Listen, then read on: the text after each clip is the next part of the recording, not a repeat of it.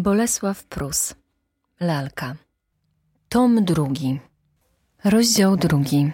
Szare dnie i krwawe godziny. W kwadrans po wyjeździe z Warszawy koleją warszawsko-bydgoską Wokulski doznał dwóch szczególnych, choć zupełnie różnych uczuć.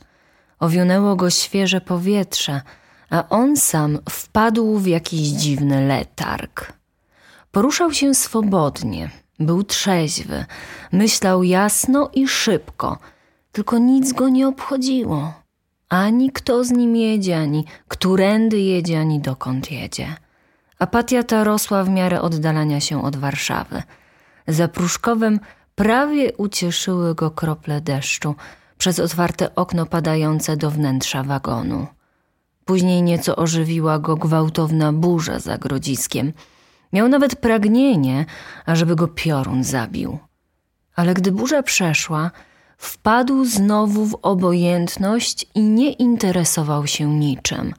Nawet tym, że jego sąsiad z prawej strony spał mu na ramieniu, a sąsiad z przeciwka zdjął kamasze i oparł mu na kolanach nogi, w czystych zresztą skarpetkach. Około północy napadło na niego coś jakby sen, a może tylko jeszcze większa obojętność. Zasłonił firanką latarnię wagonu, przymknął oczy i myślał, że ta osobliwa apatia skończy się ze wschodem słońca. Ale nie skończyła się. Owszem, do rana wzrosła i rosła coraz bardziej. Nie było mu z nią dobrze ani źle. Tak sobie. Potem wzięto od niego paszport, potem zjadł śniadanie, kupił nowy bilet, kazał przenieść rzeczy do innego pociągu i ruszyli dalej. Nowa stacja, nowa zmiana pociągów, nowa jazda. Wagon drżał i turkotał. Lokomotywa co pewien czas świstała, zatrzymywała się. Do przedziału zaczęli siadać ludzie mówiący po niemiecku dwoje, troje, potem całkiem zniknęli ludzie mówiący po polsku i wagon napełnił się samymi Niemcami. Zmieniał się też krajobraz. Ukazały się lasy otoczone wałami i złożone z drzew stojących w tak równej odległości jak żołnierze. Znikły drewniane chaty kryte słomą i coraz częściej zaczęły się pojawiać piętrowe domki kryte dachówką, otoczone ogródkami. Znowu postój, znowu jedzenie. Jakieś ogromne miasto. Ach, to chyba Berlin. Znowu jazda. Do wagonu siadają ludzie wciąż mówiący po niemiecku, ale jakby innym akcentem. Potem noc i sen. Nie, to nie sen, tylko apatia. Zjawia się dwóch Francuzów w przedziale. Krajobraz całkiem odmienny – szerokie horyzonty, wzgórza, winnice, tu i ówdzie wielki dom piętrowy, szary, ale krzepki, zasłonięty drzewami, zawinięty jakby w bluszcze. Znowu rewizja walizki. Zmiana pociągów.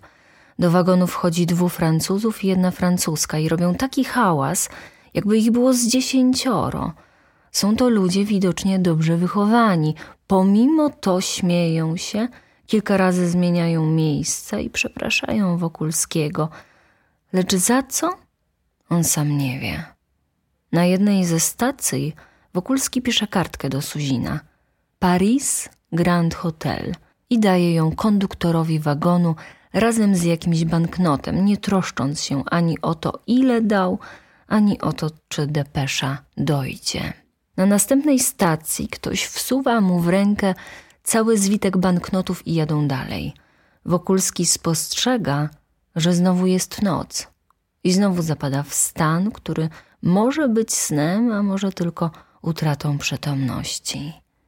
Ma oczy zamknięte, pomimo to myśli, że śpi, że ten dziwny stan zobojętnienia opuści go w Paryżu. Paryż, Paryż, mówi sobie ciągle śpiąc – Wszakże od tylu lat o nim tylko marzyłem. To przejdzie, wszystko przejdzie. Godzina dziesiąta rano, nowa stacja. Pociąg staje pod dachem. Hałas, krzyk, bieganina. Wokulskiego napada od razu trzech Francuzów oferujących mu usługi. Nagle ktoś chwyta go za ramię. No, Stanisławie Piotrowiczu, twoje szczęście, żeś przyjechał. Wokulski przypatruje się przez chwilę jakiemuś olbrzymowi z czerwoną twarzą i konopiastą brodą. Wreszcie mówi: Ach, Suzin. Padają sobie w objęcia. Suzinowi towarzyszy jeszcze dwóch Francuzów, z których jeden odbiera Wokulskiemu bilet na rzeczy.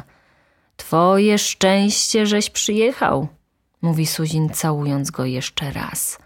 Myślałem, że się skręcę w tym Paryżu bez ciebie. Paryż, myśli Wokulski. O mnie mniejsza, ciągnie dalej Suzin. Takiej schardział pomiędzy waszą parszywą szlachtą, że o mnie już nie dbasz, ale dla ciebie samego szkoda pieniędzy. Straciłbyś z pięćdziesiąt tysięcy rubli. Dwaj Francuzi towarzyszący Suzinowi ukazują się znowu i mówią im, że już mogą jechać. Suzin bierze pod rękę Wokulskiego i wyprowadza go na plac, gdzie stoi mnóstwo omnibusów i powozów jedno- i dwukonnych, z woźnicami umieszczonymi z przodu lub z tyłu. Przeszedłszy kilkanaście kroków, trafiają na dwukonny powóz z lokajem. Siadają i jadą. Patrzaj, mówi Suzin. To ulica Lafayette, a od bulwar Magenta – Jedziem wciąż Lafayette aż do hotelu przy operze. Powiadam tobie, cud, nie miasto. No, a jak zobaczysz elizejskie pola, a potem między Sekwaną i Rywioli, ech, ja tobie mówię, cud, nie miasto. Kobiety tylko trochę zanadto wypychają się, ale tu inszy smak. Na wszelki sposób cieszę się, żeś przyjechał. Pięćdziesiąt albo i więcej tysięcy rubli to nie nic. Ot, widzisz, opera a od bulwar kapucyński, a od nasza chata. Wokulski spostrzega ogromny pięciopiętrowy gmach, formy klinowatej, na wysokości drugiego piętra otoczony żelazną balustradą. Przy szerokiej ulicy wysadzonej niezbyt starymi drzewami, pełnej omnibusów, powozów, ludzi konnych i pieszych. Ruch jest tak wielki, jak gdyby co najmniej połowa Warszawy biegła na zobaczenie jakiegoś wypadku. Ulica jest tak gładka jak posadzka. Widzi, że jest w samym środku Paryża, lecz nie doznaje ani wzruszenia, ani ciekawości. Nic go nie obchodzi. Powóz wjeżdża we wspaniałą bramę. Lokaj otwiera drzwiczki, wysiadają – Suzin bierze Wokulskiego pod rękę i prowadzi do małego pokoiku, który po chwili zaczyna wznosić się w górę. A od winda, mówi Suzin. Ja mam tu dwa mieszkania. Jedno na pierwszym piętrze za sto franków dziennie, drugie na trzecim za dziesięć franków. I dla ciebie wziąłem za dziesięć franków. Trudna rada, wystawa. Wychodzą z windy na korytarz – i po chwili znajdują się w eleganckim saloniku, który posiada mahoniowe meble, szerokie łóżko pod baldachimem i szafę mającą zamiast drzwi ogromne lustro. Siadaj, Stanisławie Piotrowiczu. Chcesz jeść czy pić? Tu czy w sali? No, pięćdziesiąt tysięcy twoje. Bardzo kontent. Powiedz mi, po raz pierwszy odezwał się Wokulski – za cóż to ja mam dostać pięćdziesiąt tysięcy? Może i więcej. Dobrze, ale za co? Suzin rzuca się na fotel, opiera ręce na brzuchu i wybucha śmiechem. Ot, za to samo, że się pytasz. Inny nie pyta, za co weźmie pieniądze, tylko dawaj. A ty jeden chcesz wiedzieć, za co zarobisz takie pieniądze. Ach, ty gołąbku. To nie jest odpowiedź. Zaraz ja tobie odpowiem, mówił Suzin.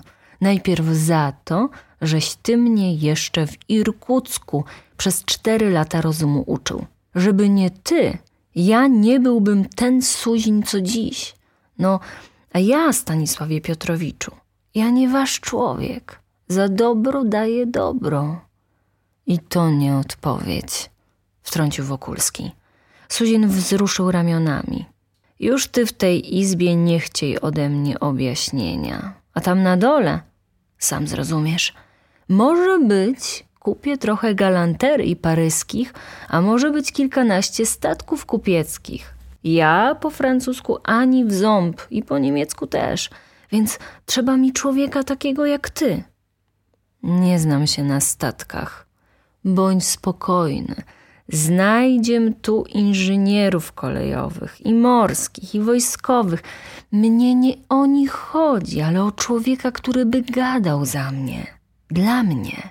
Zresztą mówię tobie, jak zejdziemy tam na dół, mniej ty dwie pary oczów i dwie pary uszów, ale jak wyjdziemy stamtąd, nie miej ty nawet pamięci. Ty to potrafisz, Stanisławie Piotrowiczu, a o resztę nie pytaj się. Ja zarobię 10%, tobie dam 10% od mego zarobku i sprawa skończona. A na co to, dla kogo i przeciw komu? Nie pytaj. Wokulski milczał. O czwartej przyjdą do mnie fabrykanci, amerykańscy i francuscy. Możesz zejść? spytał Suzin. Dobrze. A teraz przejedziesz się po mieście. Nie. Teraz pójdę spać. To i dobrze. Chodźże do twego mieszkania. Opuścili numer Suzina i o kilkanaście kroków dalej weszli do podobnego zupełnie saloniku. Wokulski rzucił się na łóżko, Suzin wyszedł na palcach i zamknął drzwi. Po odejściu Suzina Wokulski przymknął oczy i usiłował zasnąć. Może nie tyle zasnąć, ile odpędzić od siebie jakąś myśl natrętną, przed którą uciekł z Warszawy. Przez pewien czas zdawało mu się, że jej nie ma, że została tam i że dopiero szuka go stroskana, tułając się od krakowskiego przedmieścia do Alei Ujazdowskiej. Gdzie on jest? Gdzie on jest? szeptało widmo. A jeżeli poleci za mną? spytał samego siebie Wokulski. No już chyba tu mnie nie znajdzie w tak wielkim mieście, w tak ogromnym hotelu. A może mnie już szuka, pomyślał. Zamknął oczy jeszcze mocniej i począł huśtać się na materacu, który wydał mu się nadzwyczajnie szerokim i wyjątkowo sprężystym. Był pogrążony w dwóch szmerach. Za drzwiami na hotelowym korytarzu ludzie rozmawiali i biegali, jakby w tej chwili stało się coś. Za oknem na ulicy rozlegał się nieokreślony hałas, na który składają się turkoty licznych wozów, dźwięki dzwonków, głosy ludzkie, trąbki, wystrzały i Bóg nie wie co, a wszystko przytłumione i odległe. Potem przywidziało mu się, że jakiś cień zagląda do jego okna, a później, że po drugim korytarzu ktoś chodzi ode drzwi do drzwi, puka i pyta, czy nie ma go tu? Istotnie ktoś chodził, pukał i nawet zapukał do jego drzwi, lecz nie odebrawszy odpowiedzi, poszedł dalej. Nie znajdzie mnie, nie znajdzie, myślał Wokulski. Wtem otworzył oczy i włosy powstały mu na głowie. Naprzeciw siebie zobaczył taki sam pokój jak jego, takie samo łóżko z baldachimem, a na nim siebie. Było to jedno z najsilniejszych wstrząśnień, jakich doznał w życiu, sprawdziwszy własnymi oczyma, że tu, gdzie uważał się za zupełnie samotnego, towarzyszy mu nieodstępny świadek on sam. Co za oryginalne szpiegowanie, mruknął. Głupie te szafy z lustrami. Zerwał się z łóżka, jego sobowtór zerwał się równie szybko. Pobiegł do okna, tamten także. Otworzył gorączkowo walizkę, aby przebrać się i tamten również zaczął przebierać się, widocznie z zamiarem wyjścia na miasto. Wokulski czuł, że musi uciec od tego pokoju. Widmo, przed którym wyjechał z Warszawy, było już tu i stało za progiem. Umył się, włożył czystą bieliznę, przebrał się. Było ledwie w pół do pierwszej. Trzy i pół godzin, pomyślał. Coś trzeba z nimi zrobić. Ledwie otworzył drzwi, już znalazł się służący z frazesem Monsieur? Wokulski kazał zaprowadzić się do schodów. Dał służącemu franka i zbiegł z trzeciego piętra na dół, jak człowiek, którego ścigają. Wyszedł przez bramę i zatrzymał się na chodniku. Ulica szeroka, wysadzona drzewami. W jednej chwili przelatuje około niego z sześć powozów i żółty omnibus, naładowany podróżnymi wewnątrz i na dachu. Na prawo gdzieś bardzo daleko widać plac. Na lewo pod hotelem niedużą markizę, a pod nią gromadę mężczyzn i kobiet, którzy siedzą przy okrągłych stoliczkach prawie na chodniku i piją kawę. Panowie są tak wydekoltowani, mają w dziurkach od guzików kwiaty lub wstążeczki i zakładają nogi na kolana akurat tak wysoko, jak przystoi w sąsiedztwie pięciopiętrowych domów. Kobiety szczupłe, małe, śniade, z ognistymi spojrzeniami, lecz skromnie ubrane. Wokulski idzie w lewo i za węgłem tego samego hotelu, w tymże samym hotelu, widzi drugą markizę i drugą gromadę ludzi pijących coś obok chodnika. Tu siedzi ze sto osób, jeżeli nie więcej. Panowie mają miny impertynentów, damy są ożywione, przyjacielskie i pełne prostoty. Powozy jedno i dwukonne toczą się w dalszym ciągu. Gromady pieszych pędzą co chwilę w jedną i drugą stronę. Przesuwają się żółty i zielony omnibus. Tym zaś przecinają drogę omnibusy brunatne, wszystkie napełnione wewnątrz, wszystkie obładowane podróżnymi na dachach. Wokulski znajduje się na środku placu, z którego rozchodzi się siedem ulic. Liczy raz i drugi, siedem ulic. Gdzie iść? Chyba w kierunku drzew. Akurat dwie ulice, przecinające się pod kątem prostym, są zadrzewione. Pójdę w kierunku ściany hotelu myśli Wokulski. Robi pół obrotu w lewo i staje zdumiony. W głębi na lewo widać jakiś potężny gmach. Na parterze szereg arkad i posągów. Na pierwszym piętrze olbrzymie kolumny kamienne i nieco mniejsze marmurowe ze złoconymi kapitelami. Na wysokości dachu w kątach orły i złocone posągi, unoszące się nad złotymi figurami rozhukanych koni. Dach bliżej płaski, dalej kopuła zakończona koroną, a jeszcze dalej dach trójkątny, również dźwigający na szczycie grupę figur. Wszędzie marmur, brąz, złoto, wszędzie kolumny, posągi i medaliony. Opera? myśli Wokulski. Ależ tu jest więcej marmurów i brązów, aniżeli w całej Warszawie. Przypomina sobie swój sklep – ozdobę miasta, rumieni się i idzie dalej. Czuje, że Paryż na pierwszym kroku przytłoczył go i jest kontent. Ruch powozów, omnibusów i ludzi pieszych zwiększa się w zastraszający sposób. Co kilka kroków werendy, okrągłe stoliki, ludzie siedzący przy chodnikach. Za powozem, który ma z tyłu lokaja, toczy się wózek ciągniony przez psa, Mija go omnibus, potem dwaj ludzie z tragami, potem większy wóz na dwóch kołach, potem dama i mężczyzna konno i znowu nieskończony szereg powozów.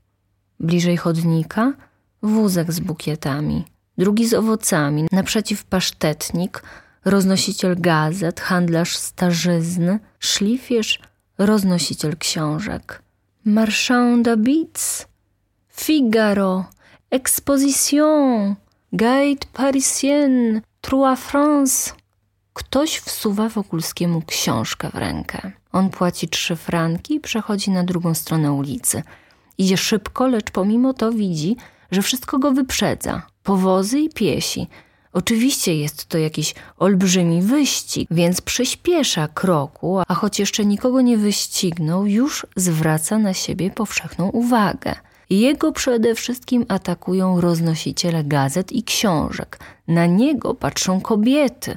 Z niego w drwiący sposób uśmiechają się mężczyźni.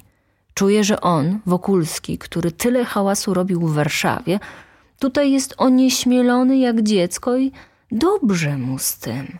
Ach, jakże pragnąłby znowu zostać dzieckiem z owej epoki, kiedy to jego ojciec naradzał się z przyjaciółmi, czy go oddać do kupca czy do szkół. W tym miejscu ulica nieco zgina się na prawo. Wokulski pierwszy raz spostrzega dom trzypiętrowy i napełnia go jakaś rzewność. Dom trzypiętrowy między pięciopiętrowymi. Cóż to za miła niespodzianka. Nagle mija go powóz z grumem na koźle, wiozący dwie kobiety. Jedna całkiem mu nieznana, druga... Ona? szepcze Wokulski. Niepodobieństwo. Mimo to czuje, że siły go opuszczają. Na szczęście jest obok kawiarnia. Rzuca się na krzesło tuż przy chodniku. Zjawia się garçon, o coś pyta, następnie przynosi mazagran. Jednocześnie jakaś kwiaciarka przypina mu róże do tużurka, a roznosiciel gazet kładzie przed nim Figaro. Wokulski tej rzuca dziesięć franków, temu franka, pije mazagran i zaczyna czytać. Jej książęca mość królowa Izabela. Mnie gazetę i chowają do kieszeni, nie dokończywszy mazagranu płaci za niego i wstaje od stołu. Garson patrzy spod oka, dwaj goście bawiący się cienkimi laseczkami zakładają nogi jeszcze wyżej, a jeden z nich impertynencko przypatruje mu się przez monokl. Gdybym tego franta uderzył w twarz, myśli Wokulski. Jutro pojedynek i może zabiłby mnie, ale gdybym ja jego zabił? Przeszedł koło Franta i spojrzał mu w oczy. Elegantowi monogl spadł na kamizelkę i opuściła go ochota do półuśmieszków. Wokulski idzie dalej i z największą uwagą przypatruje się kamienicom. Cóż tu za sklepy! Najlichszy z nich lepiej wygląda niżeli jego, który jest najpiękniejszym w Warszawie. Domy ciosowe prawie na każdym piętrze, wielkie balkony albo balustrady biegnące wzdłuż całego piętra.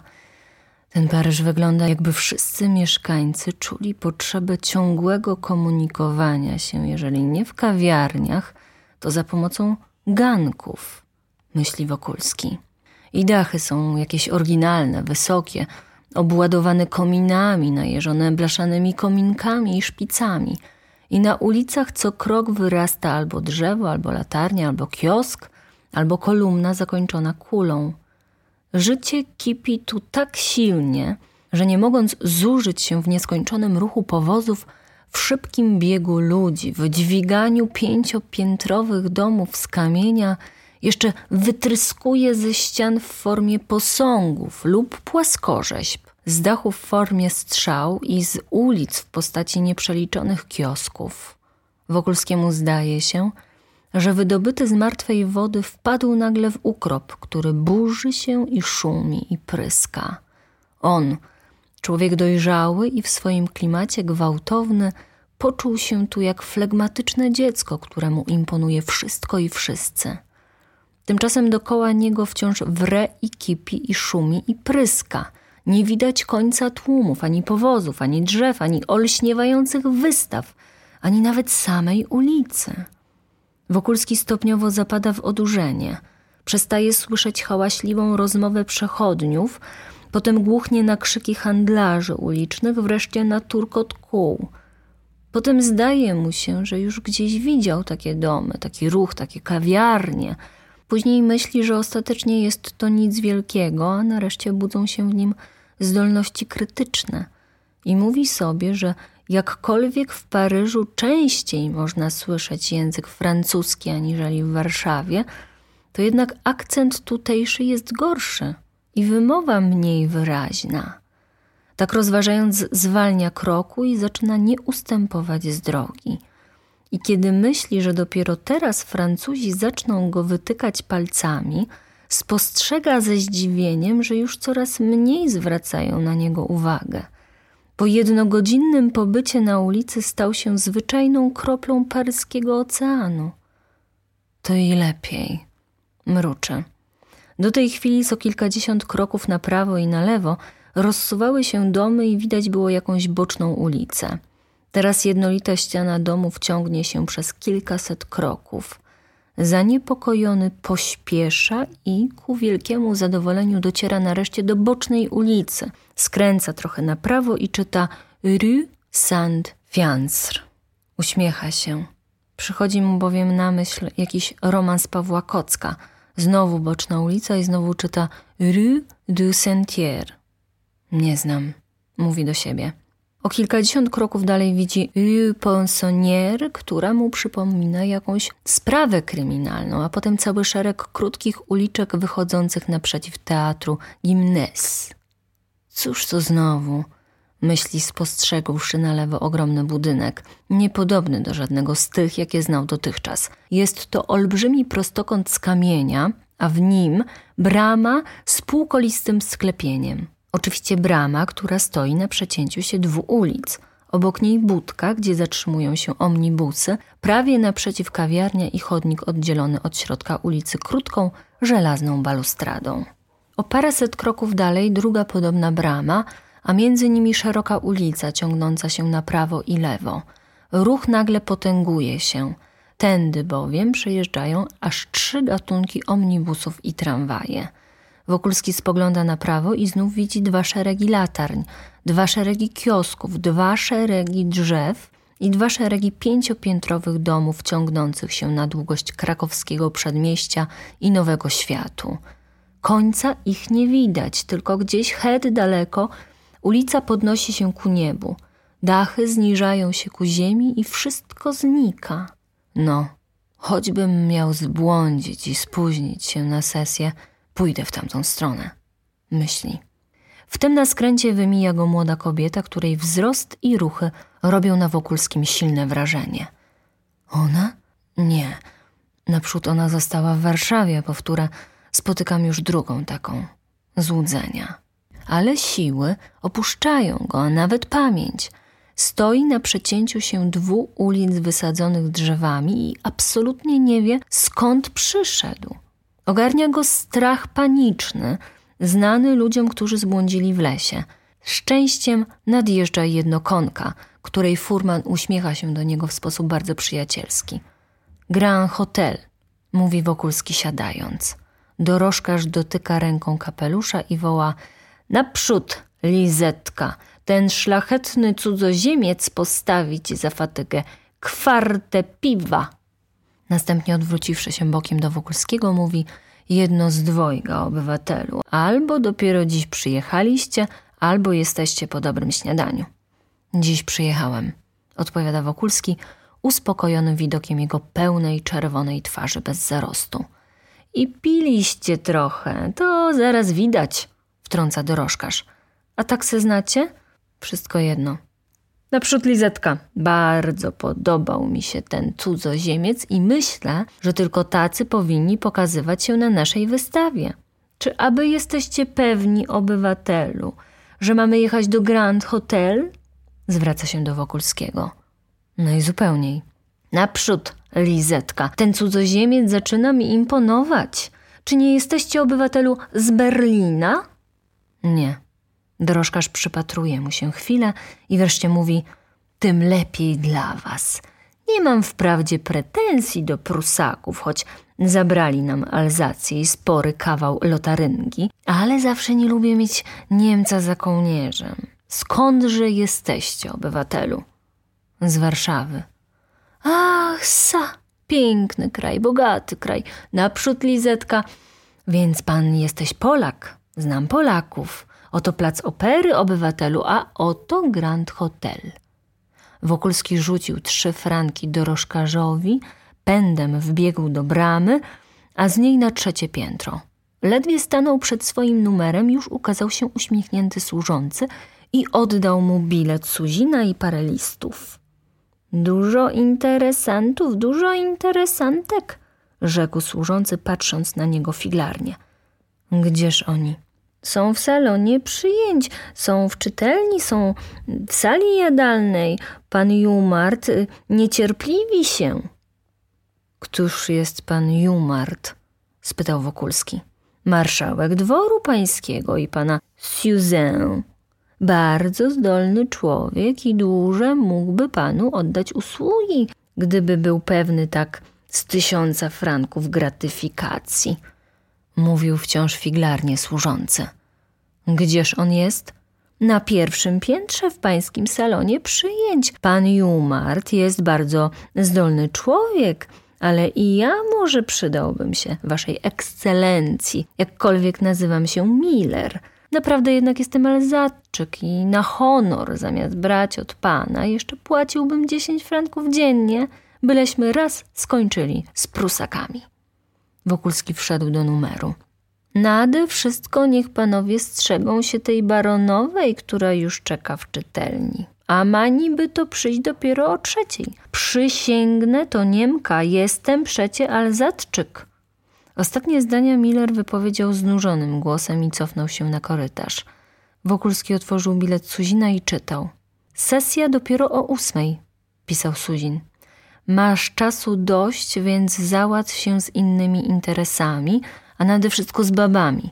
Ja już dali Bóg ze stary, żeby im wszystkim dogodzić.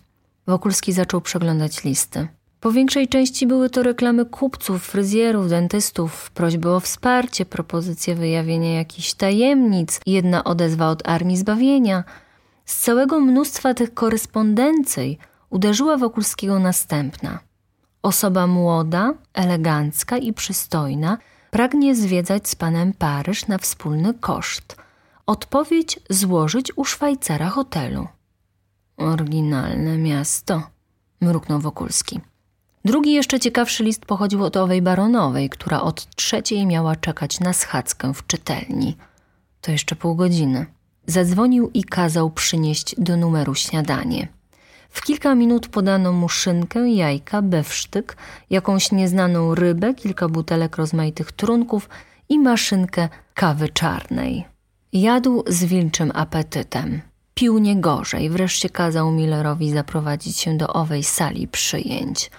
Służący wyszedł z nim na korytarz, dotknął dzwonka, coś powiedział przez tubę i wprowadził Wokulskiego do windy. W minutę później Wokulski był na pierwszym piętrze, a gdy opuszczał windę, zastąpił mu drogę jakiś dystyngowany pan z niedużymi wąsami, we fraku i białym krawacie. Jumart, odezwał się ten pan z ukłonem. Poszli kilkanaście kroków korytarzem i Jumart otworzył drzwi wspaniałego salonu. Wokulski o mało nie cofnął się, zobaczywszy złocone meble, olbrzymie lustra i ściany ozdobione płaskorzeźbami. Na środku stał duży stół pokryty kosztownym obrusem i przywalony stosem papierów. Mogę wprowadzić interesantów? spytał Jumart. Ci nie są, zdaje mi się, niebezpieczni, tylko na baronowę. Ośmielę się zwrócić uwagę, czeka w czytelni. Ukłonił się i wyszedł z powagą do innego salonu, który zdawał się być poczekalnią. Czy ja do licha nie wpadłem w jaką awanturę? pomyślał Wokulski. Ledwie Wokulski usiadł na fotelu i zaczął przeglądać papiery, wszedł lokaj w błękitnym fraku ozdobionym złotymi haftami i podał mu bilet na tacę.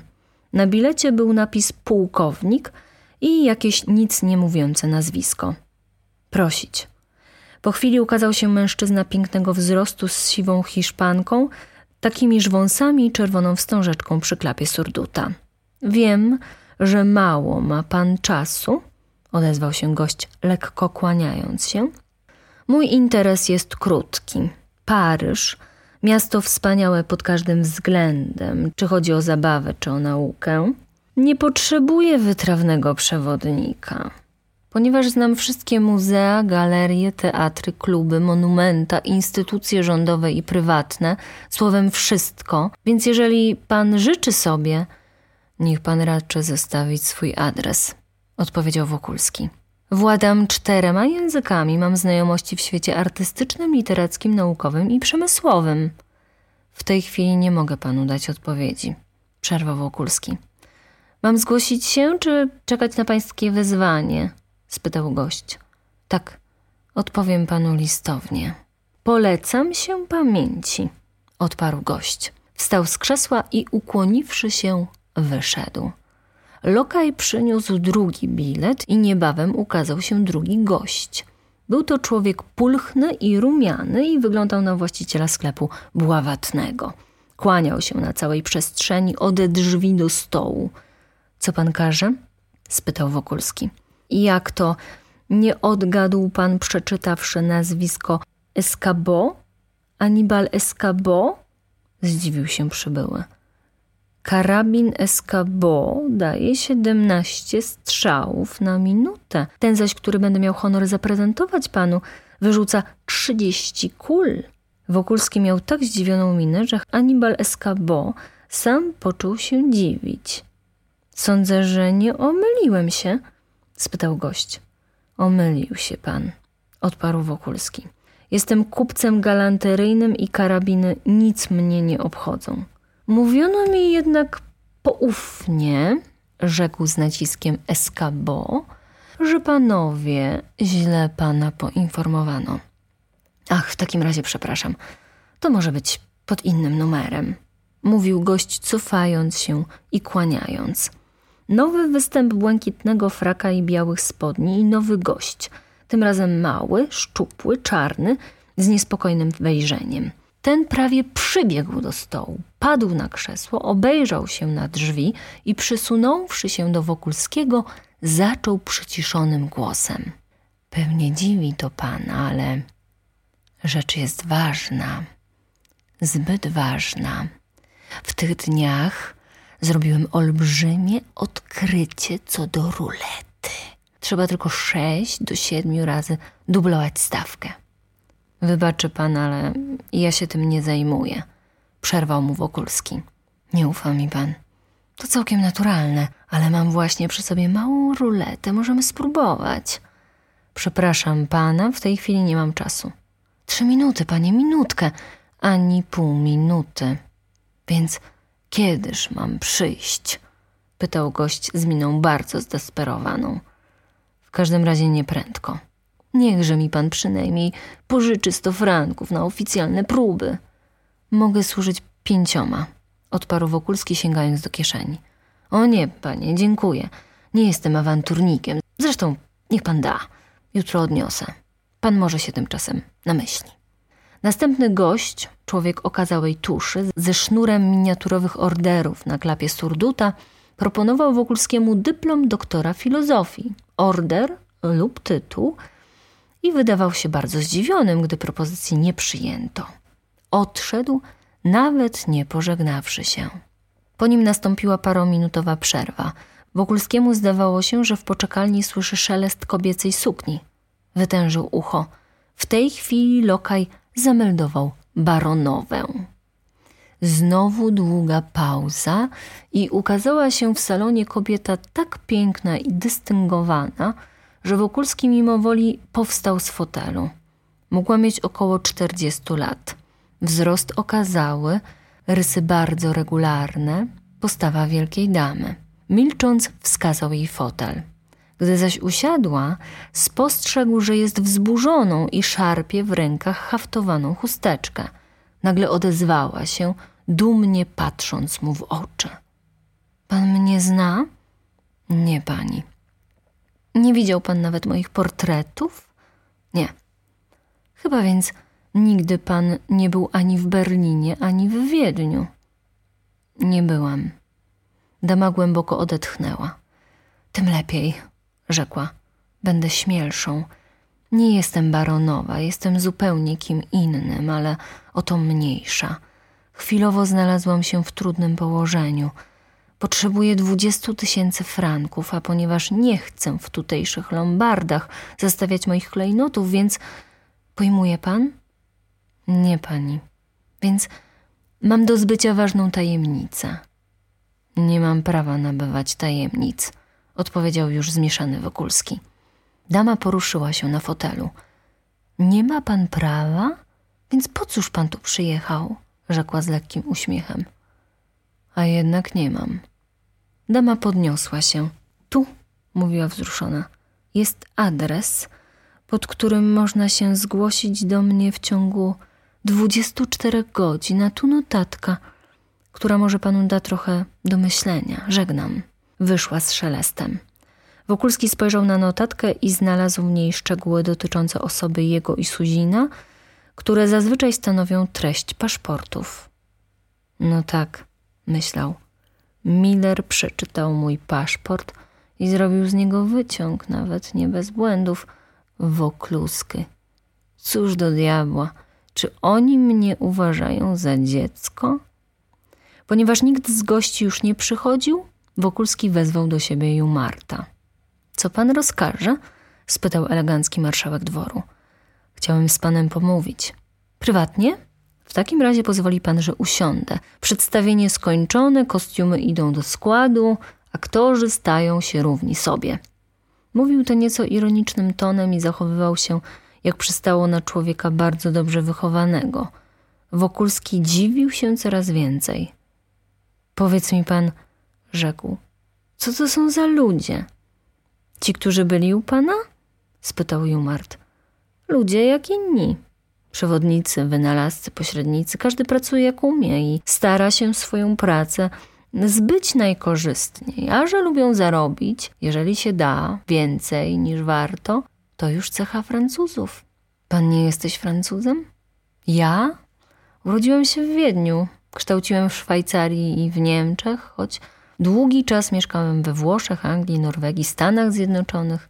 Moje zaś nazwisko najlepiej streszcza narodowość. Tym jestem, w czyjej mieszkam oborze, wołem między wołami, koniem między końmi. A że wiem skąd mam pieniądze i na co je wydaję, i ludzie o mnie wiedzą, więc zresztą nic mnie nie obchodzi. Wokulski przypatrywał mu się z uwagą. Nie rozumiem pana, rzekł. Widzi pan, mówił Jumart, przebierając palcami po stole. Za dużo zwiedziłem świata, żebym miał troszczyć się o czyjąś narodowość. Dla mnie istnieją tylko cztery narodowości, bez względu na języki. Numer pierwszy mają ci, o których wiem, skąd biorą pieniądze i na co je wydają. Numer drugi ci, których wiem, skąd biorą, ale nie wiem, na co wydają. Numer trzeci ma znane wydatki, choć nieznane dochody. A numer czwarty noszą ci, których nie znam ani źródła dochodów, ani wydatków.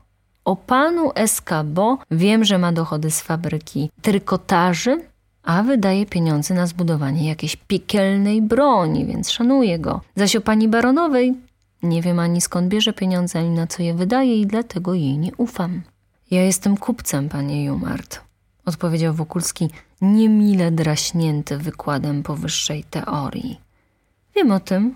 I jeszcze jest pan przyjacielem pana Suzanne, co także daje pewien procent. Nie do pana zresztą stosowały się moje uwagi. Wypowiedziałem je jako odczyt, który mam nadzieję opłaci mi się. Jesteś pan filozofem, mruknął Wokulski. Nawet doktorem filozofii dwóch uniwersytetów, odparł Jumart. I spełniasz pan rolę służącego, chciałeś pan powiedzieć?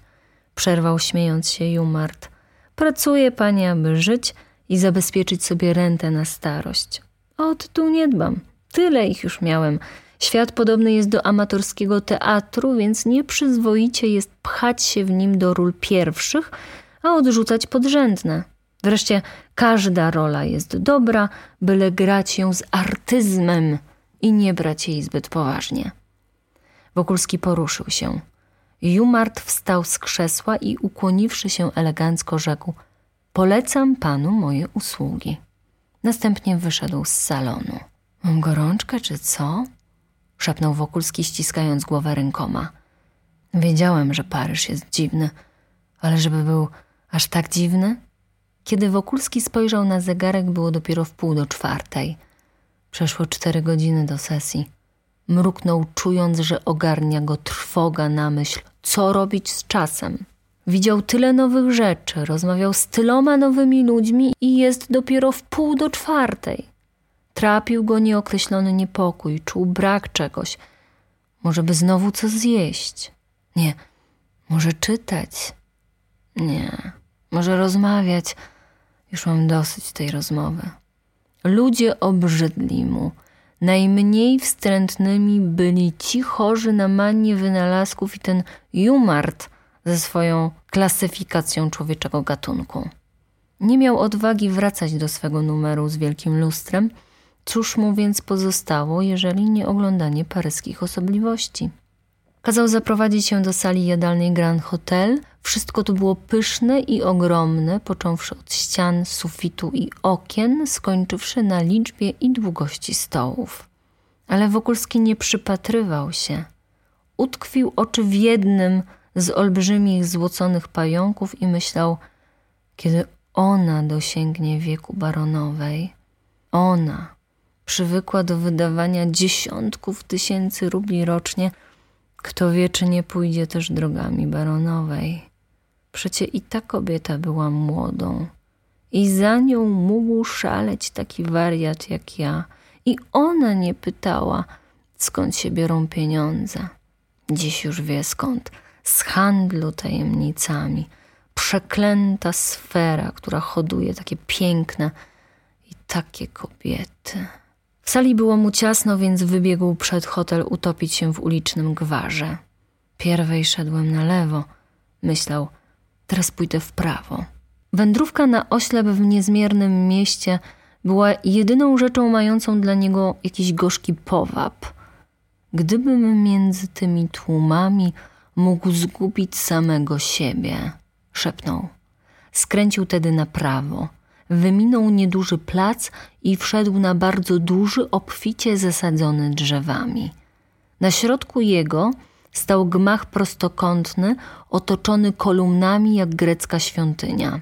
Wielkie drzwi spiżowe, okryte płaskorzeźbą, na szczycie frontonu również płaskorzeźba przedstawiająca, zdaje się, sąd ostateczny. W koło obszedł gmach, myśląc o Warszawie.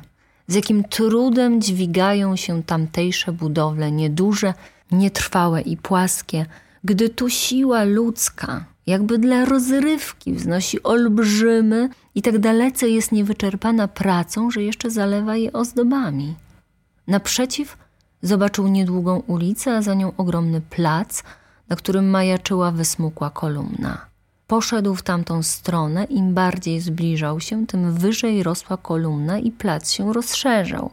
Przed i za kolumną biły duże wodotryski. Na prawo i na lewo – ciągnęły się już żółknące kępy drzew jak ogrody.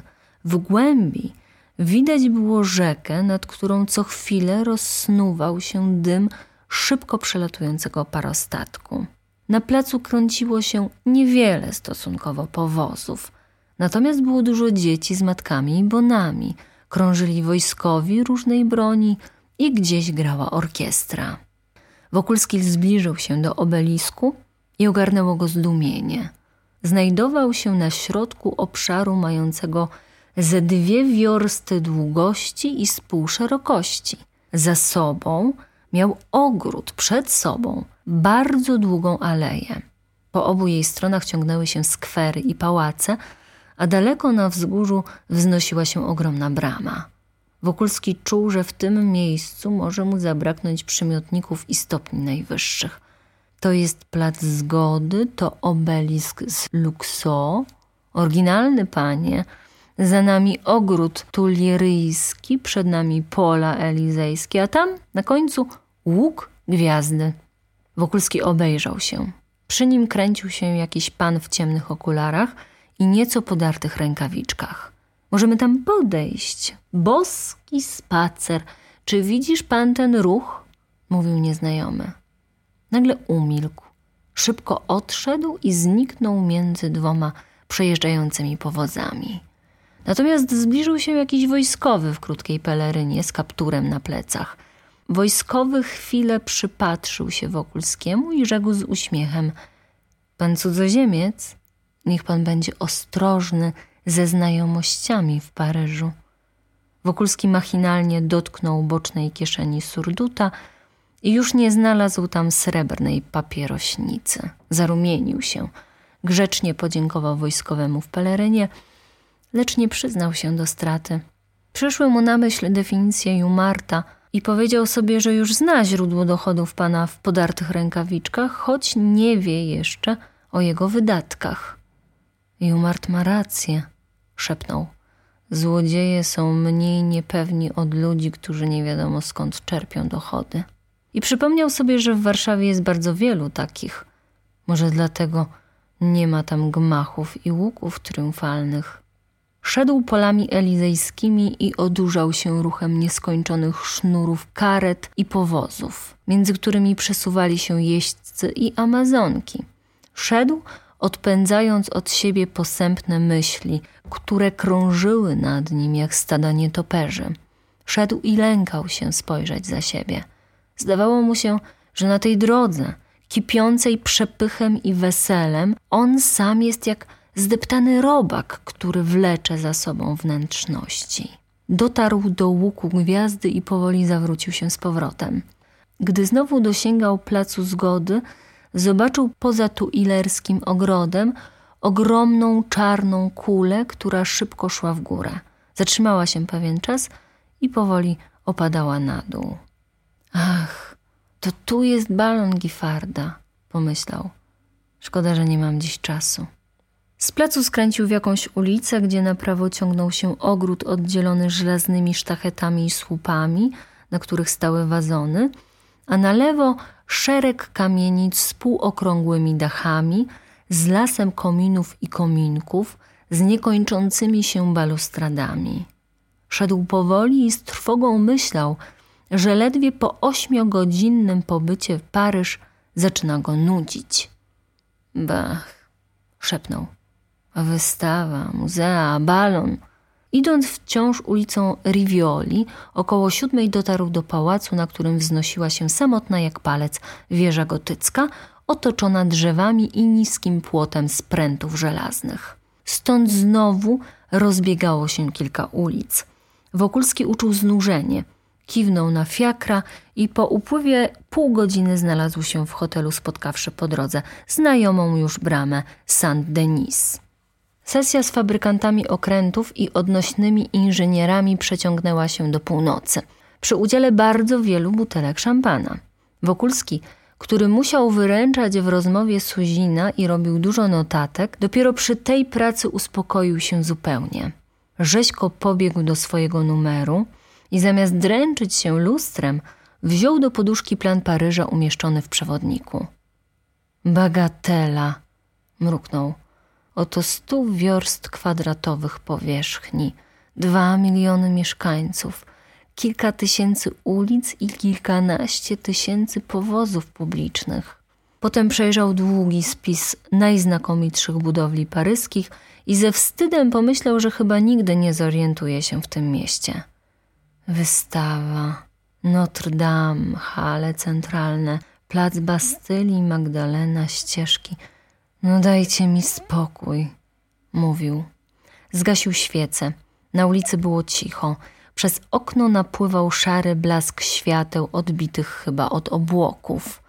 Ale Wokulskiemu szumiało i dzwoniło w uszach, a przed oczyma ukazywały mu się to ulice gładkie jak posadzka, to drzewa otoczone żelaznymi koszykami, to gmachy budowlane z ciosowego kamienia, to znowu ciżba ludzi i powozów, wychodzących nie wiadomo skąd – i biegnących nie wiadomo dokąd.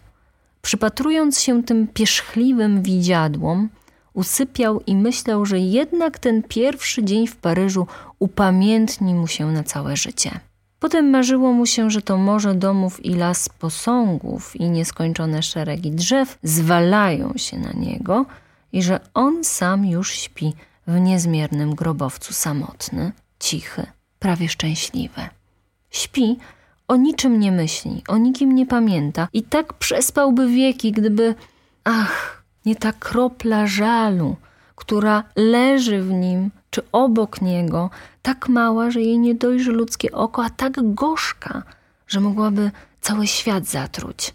Od dnia, w którym po raz pierwszy skąpał się w Paryżu, zaczęło się dla Wokulskiego życie prawie mistyczne. Poza obrębem kilku godzin, które poświęcał naradom Suzina z budowniczymi okrętów, Wokulski był zupełnie swobodny i używał tego czasu na najnieporządniejsze zwiedzanie miasta. Wybrał jakąś miejscowość według alfabetu w przewodniku i nawet nie patrząc na plan, jechał tam otwartym powozem. Wdrapywał się na schody, obchodził gmachy, przebiegał salę, zatrzymywał się przed ciekawszymi okazami i tym samym fiakrem, wynajętym na cały dzień, przenosił się do innej miejscowości, znów według alfabetu. A ponieważ największym niebezpieczeństwem, jakiego lękał się, był brak zajęcia, więc wieczorami oglądał plan miasta, wykreślał już obejrzane punkta i robił notatki. Niekiedy w wycieczkach towarzyszył mu Jumart i prowadził go do miejsc, o których nie wspominają przewodniki. Od składów kupieckich do warsztatów fabrycznych, do mieszkań rękodzielników, do kwater studenckich, do kawiarni i restauracji na ulicach czwartego rzędu.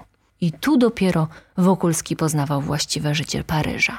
W ciągu tych wędrówek wchodził na wieże Saint-Jacques, Notre Dame i Panteonu. Wjeżdżał windą na Trocadero, zstępował do ścieków paryskich i do ozdobionych trupimi głowami katakumb.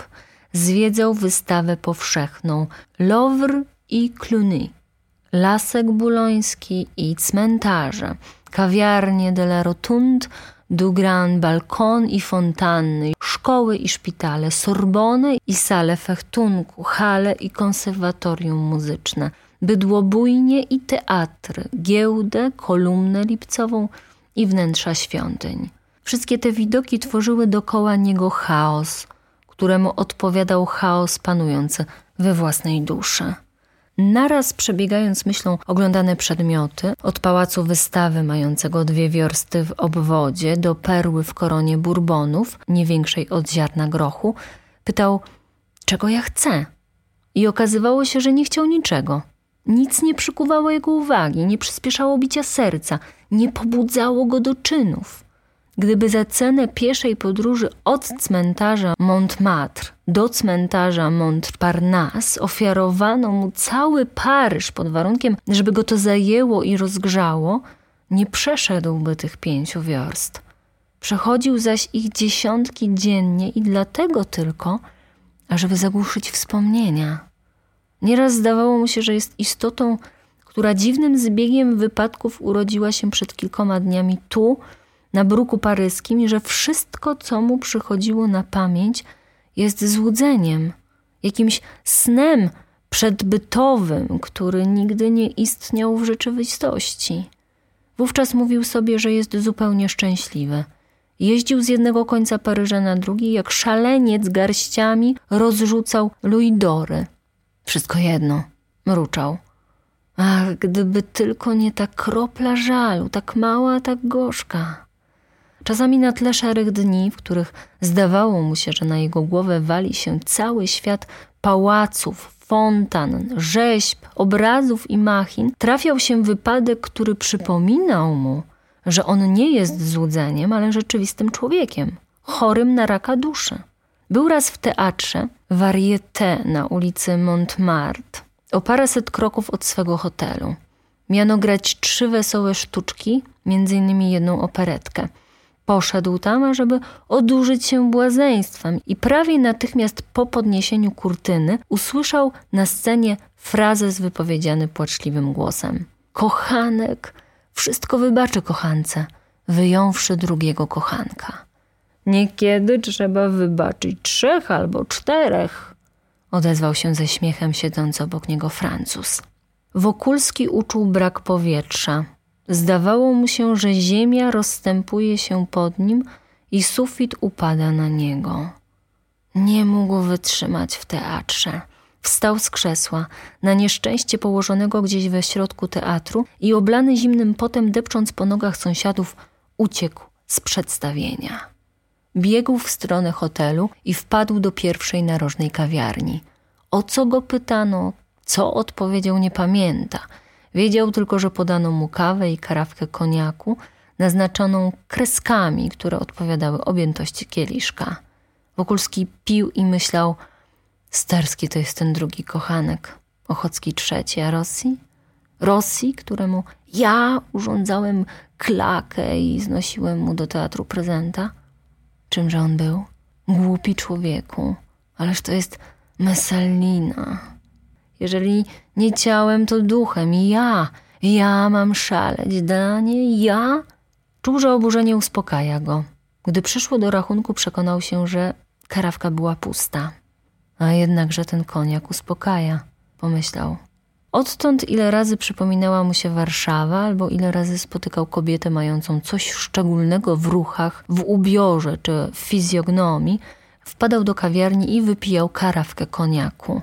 Tylko wówczas śmiało przypominał sobie pannę Izabelę i dziwił się, że taki jak on człowiek mógł kochać taką jak ona kobietę. Przecież chyba zasługuje na to, myślał, ażebym był pierwszym i ostatnim. Karawka koniaku wypróżniała się, a on opierał głowę na rękach i drzemał ku wielkiej uciesze garsonów i gości. I znowu po całych dniach zwiedzał wystawę, muzea, studnie artyzyjskie, szkoły i teatry nie dlatego, ażeby coś poznać, ale ażeby zagłuszyć wspomnienia. Powoli na tle głuchych i nieokreślonych cierpień poczęło się w nim rodzić pytanie, czy istnieje jaki porządek w budowie Paryża? Czy jest przedmiot, z którym można by go porównać i ład, pod który dałoby się go podciągnąć? Widziany z Panteonu i z Trocadero, Paryż przedstawiał się jednakowo. Było to morze domów, przecięte tysiącem ulic, nierówne dachy wyglądały jak fale, kominy jak odpryski, a wieże i kolumny jak większe fale. Chaos, mówił Wokulski. Zresztą nie może być inaczej tam, gdzie zbiegają się miliony usiłowań. Wielkie miasto jest jak obłok kurzu. Ma przypadkowe kontury, lecz nie może mieć logiki. Gdyby ją miało, już od dawna wykryliby ten fakt autorowie przewodników, bo i od czegóż oni są. Lecz nie może mieć logiki. I przyglądał się planowi miasta, wyśmiewając własne wysiłki. Tylko jeden człowiek, i w dodatku genialny człowiek, może wytworzyć jakiś styl, jakiś plan, myślał.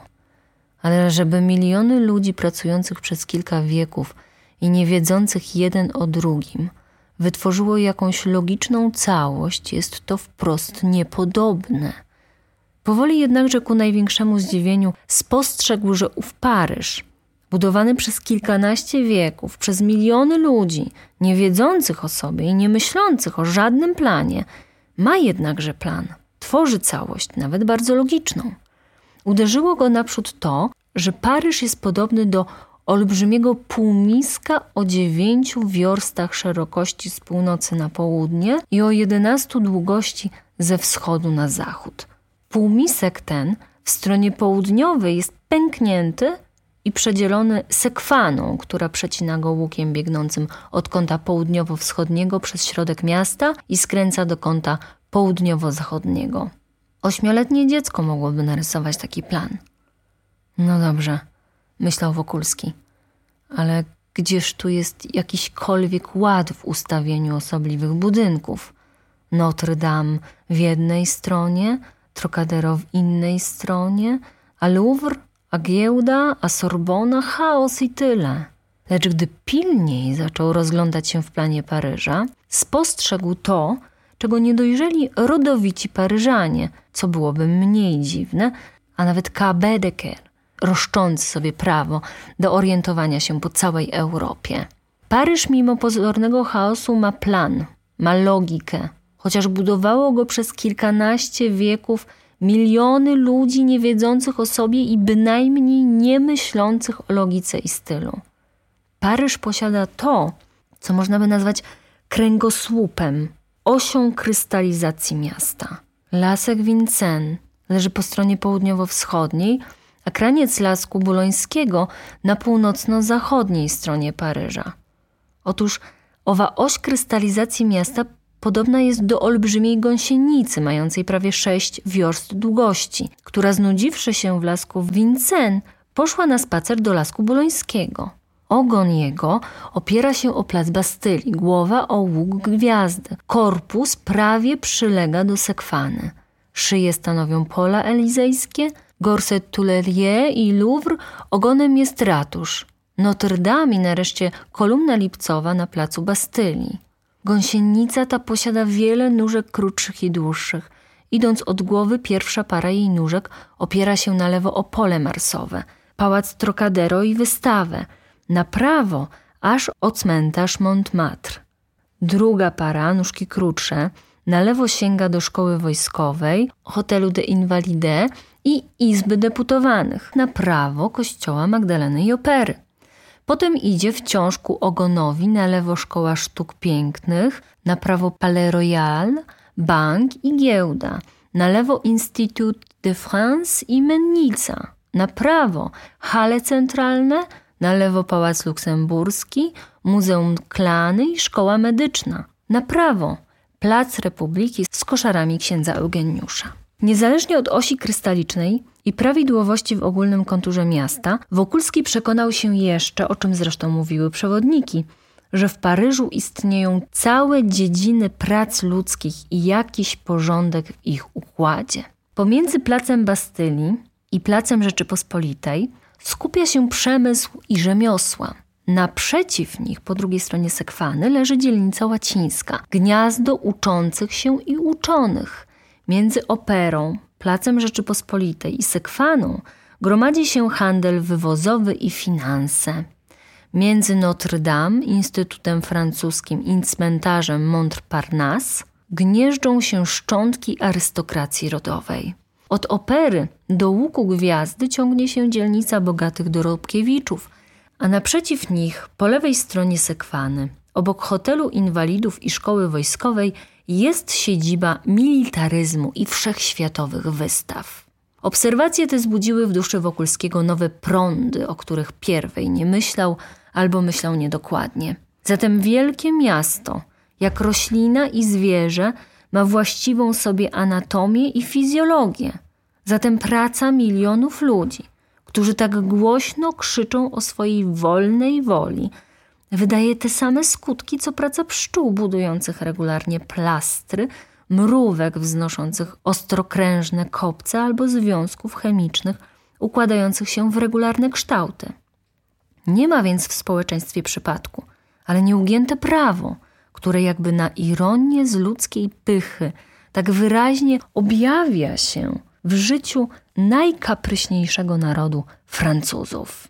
Rządzili nimi Merowingowie i Karlowingowie, Bourboni i Bonapartowie.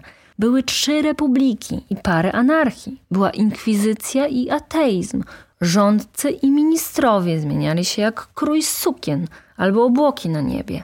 Lecz pomimo tylu zmian, tak na przekór głębokich, Paryż coraz dokładniej przybierał formę półmiska rozdartego przez sekwanę. Coraz wyraźniej rysowała się na nim oś krystalizacji biegnąca z placu Bastylii do łuku gwiazdy, coraz jaśniej odgraniczały się dzielnice uczona i przemysłowa, rodowa i handlowa, wojskowa i dorobkiewiczowska. Ten sam fatalizm spostrzegł Wokulski w historii kilkunastu głośniejszych rodzin paryskich. Dziad, jako skromny rzemieślnik, pracował przy ulicy Temple po 16 godzin na dobę. Jego syn, skąpawszy się w cyrkule łacińskim, założył większy warsztat przy ulicy Świętego Antoniego. Wnuk, jeszcze lepiej zanurzywszy się w naukowej dzielnicy, przeniósł się jako wielki handlarz na bulwar Poissonner. Zaś prawnuk, już jako milioner, zamieszkał w sąsiedztwie pól elizejskich po to, ażeby jego córki mogły chorować na nerwy przy bulwarze Saint-Germain. I tym sposobem ród spracowany i zbogacony koło Bastylii, zużyty około Tuileries, dogorywał w pobliżu Notre Dame. Topografia miasta odpowiadała historii mieszkańców. Wokulski, rozmyślając o tej dziwnej prawidłowości w faktach, uznawanych za nieprawidłowe, przeczuwał, że jeżeli co mogłoby uleczyć go z apatii, to chyba tego rodzaju badania. Jestem dziki człowiek, mówił sobie, więc wpadłem w obłęd, ale wydobędzie mnie z niego cywilizacja. Każdy zresztą dzień w Paryżu przynosił mu nowe idee albo rozjaśniał tajemnice jego własnej duszy – Raz, gdy siedział przed kawiarnią, pijąc mazagran, zbliżył się do werendy jakiś uliczny tenor i przy akompaniamencie arfy zaśpiewał. U printemps, la foule repousse, et la fouet un blé de presse. Minjonette, un joulin la mousse, Sauvignon, les papillons d'après. Vous laissez poser sous les rosets. Comme un quasi, je vous poser, malevre sur tes lèvres clos, et te ravir un du bazier. I natychmiast kilku gości powtórzyło ostatnią strofę. Vous laissez poser sous le rosé. Comment quasi je vous poser, malevre sur tes lèvres clos, et te ravir un du bazier. Głupcy, mruknął Wokulski. Nie mają co powtarzać, tylko takie błazeństwa. Wstał zachmurzony i z bólem w sercu przesuwał się pomiędzy potokiem ludzi tak ruchliwych, krzykliwych, rozmawiających i śpiewających jak dzieci wypuszczone ze szkoły. Głupcy, głupcy, powtarzał. Nagle przyszło mu na myśl, czy to on raczej nie jest głupi. Gdyby ci wszyscy ludzie, mówił sobie, byli podobni do mnie, Paryż wyglądałby jak szpital smutnych wariatów. Każdy trułby się jakimś widziadłem. Ulice zamieniłyby się w kałuże, a domy w ruinę. Tymczasem oni biorą życie, jakim jest. Uganiają się za praktycznymi celami, są szczęśliwi i tworzą arcydzieła. A ja za czym goniłem? Naprzód za perpetuum mobile i kierowaniem balonami potem za zdobyciem stanowiska, do którego nie dopuszczali mnie moi właśni sprzymierzeńcy, nareszcie za kobietą, do której prawie nie wolno mi się zbliżyć. A zawsze albo poświęcałem się, albo ulegałem ideom wytworzonym przez klasy, które chciały mnie zrobić swoim sługą i niewolnikiem. I wyobrażał sobie, jakby to było, gdyby zamiast w Warszawie przyszedł na świat w Paryżu – Przede wszystkim dzięki mnóstwu instytucji mógłby więcej nauczyć się w dzieciństwie. Później, nawet dostawszy się do kupca, doznałby mniej przykrości, a więcej pomocy w studiach. Dalej nie pracowałby nad perpetuum mobile, przekonawszy się, że w tutejszych muzeach istnieje wiele podobnych machin, które nigdy nie funkcjonowały. Gdyby zaś wziął się do kierowania balonami, znalazłby gotowe modele – całe grupy podobnych jak on marzycieli, a nawet pomoc w razie praktyczności pomysłów. A gdyby nareszcie, posiadając majątek, zakochał się w arystokratycznej pannie, nie napotkałby tylu przeszkód w zbliżeniu się do niej. Mógłby ją poznać i albo wytrzeźwiałby, albo zdobyłby jej wzajemność. W żadnym zaś wypadku nie traktowano by go jak murzyna w Afryce. Zresztą, czy w tym Paryżu można zakochać się tak jak on do szaleństwa? Tu zakochani nie rozpaczają, ale tańczą, śpiewają i w ogóle najweselej pędzą życie. Gdy nie mogą zdobyć się na małżeństwo urzędowe, tworzą wolne stadło. Gdy nie mogą przy sobie chować dzieci, oddają je na mamki. Tu miłość nigdy chyba nie doprowadziła do obłędu rozsądnego człowieka. Dwa ostatnie lata mojej egzystencji, mówił Wokulski, schodzą na uganianiu się za kobietą, której może bym się nawet wyrzekł, poznawszy ją dokładniej. Cała moja energia, nauka, zdolności, taki ogromny majątek toną w jednym afekcie, dlatego tylko, że ja jestem kupcem, a ona jakąś tam arystokratką. Czyliż ten ogół w mojej osobie nie krzywdzi samego siebie? Tu Wokulski dosięgnął najwyższego punktu samokrytyki poznał niedorzeczność swego położenia i postanowił wydobyć się.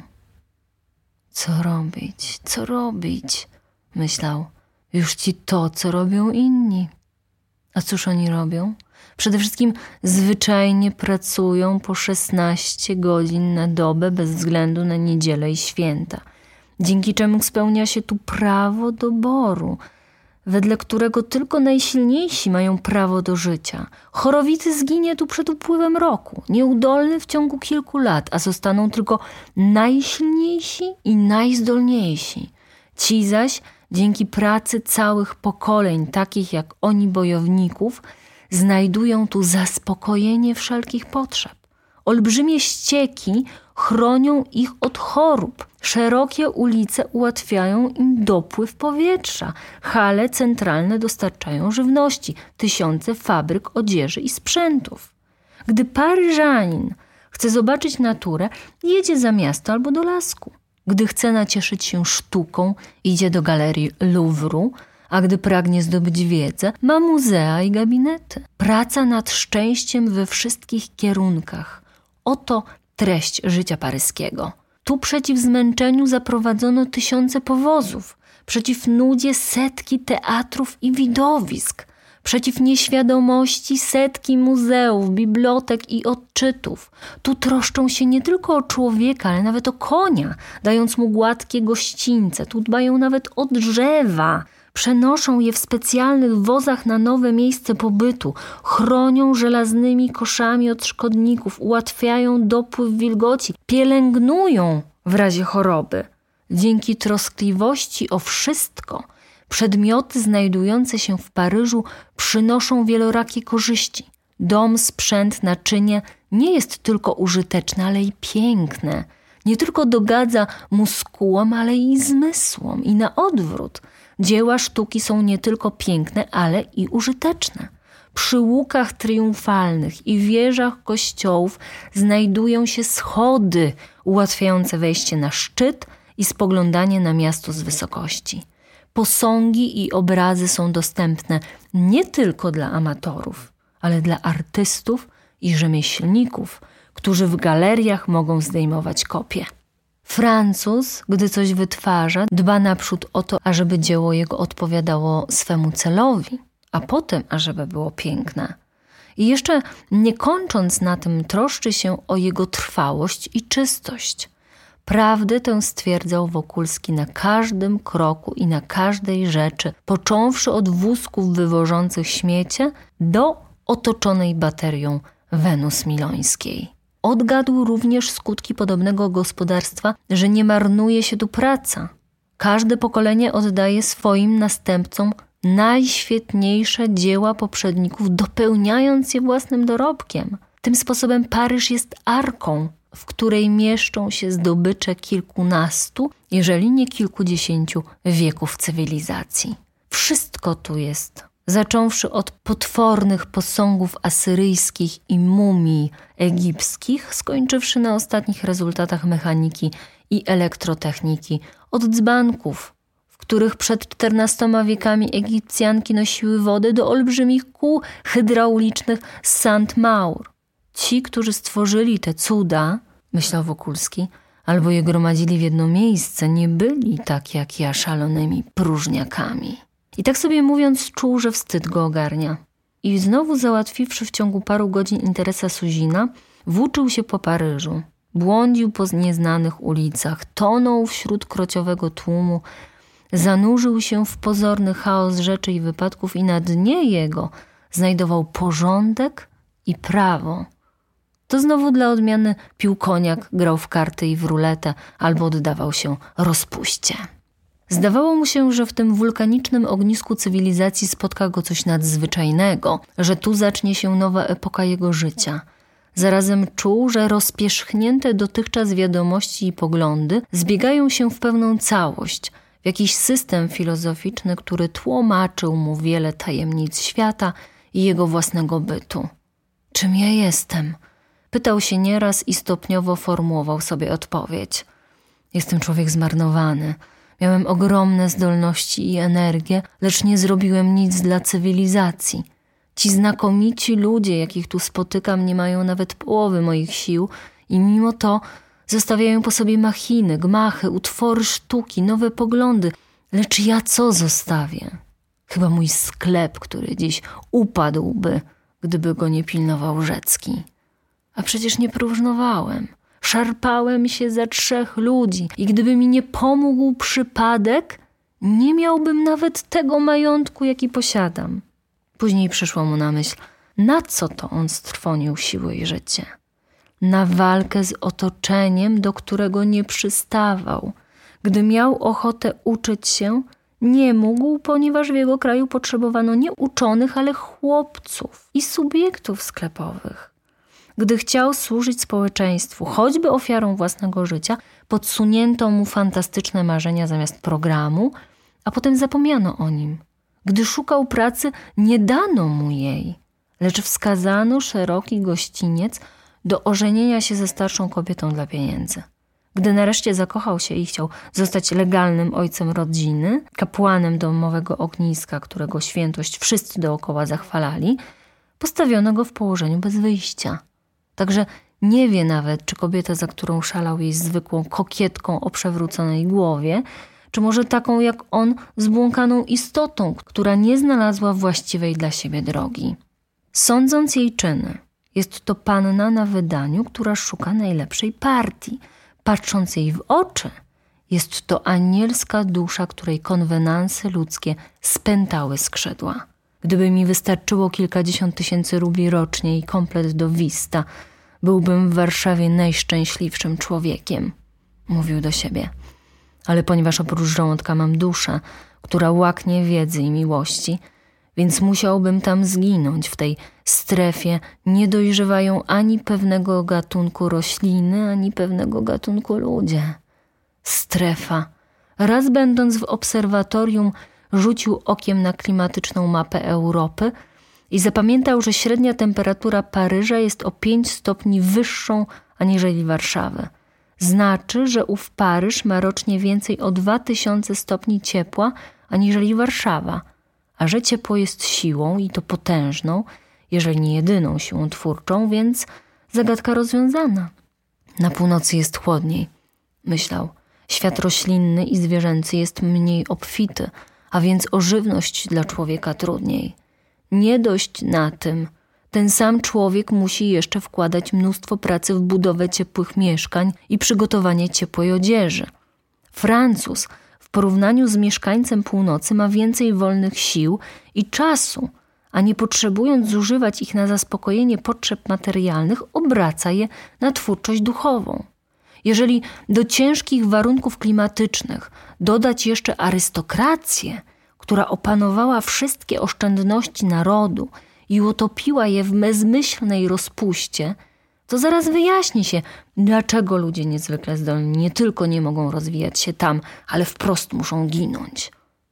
No, już ja nie zginę, mruknął głęboko zniechęcony.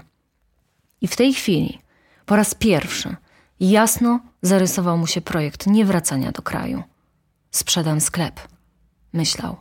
Wycofam moje kapitały i osiądę w Paryżu. Nie będę zawadzał tym, którzy mnie nie chcą. Będę tu zwiedzał muzea. Może wezmę się do jakiejś specjalnej nauki i życie upłynie mi, jeżeli nie w szczęściu, to przynajmniej bez boleści. Powrócić go do kraju i zatrzymać w nim mógł już tylko jeden wypadek. Jedna osoba, ale ten wypadek nie nadchodził. A natomiast zdarzały się inne, coraz bardziej odsuwające go od Warszawy i coraz mocniej przykuwające do Paryża. Koniec rozdziału drugiego. Ciąg dalszy nastąpi.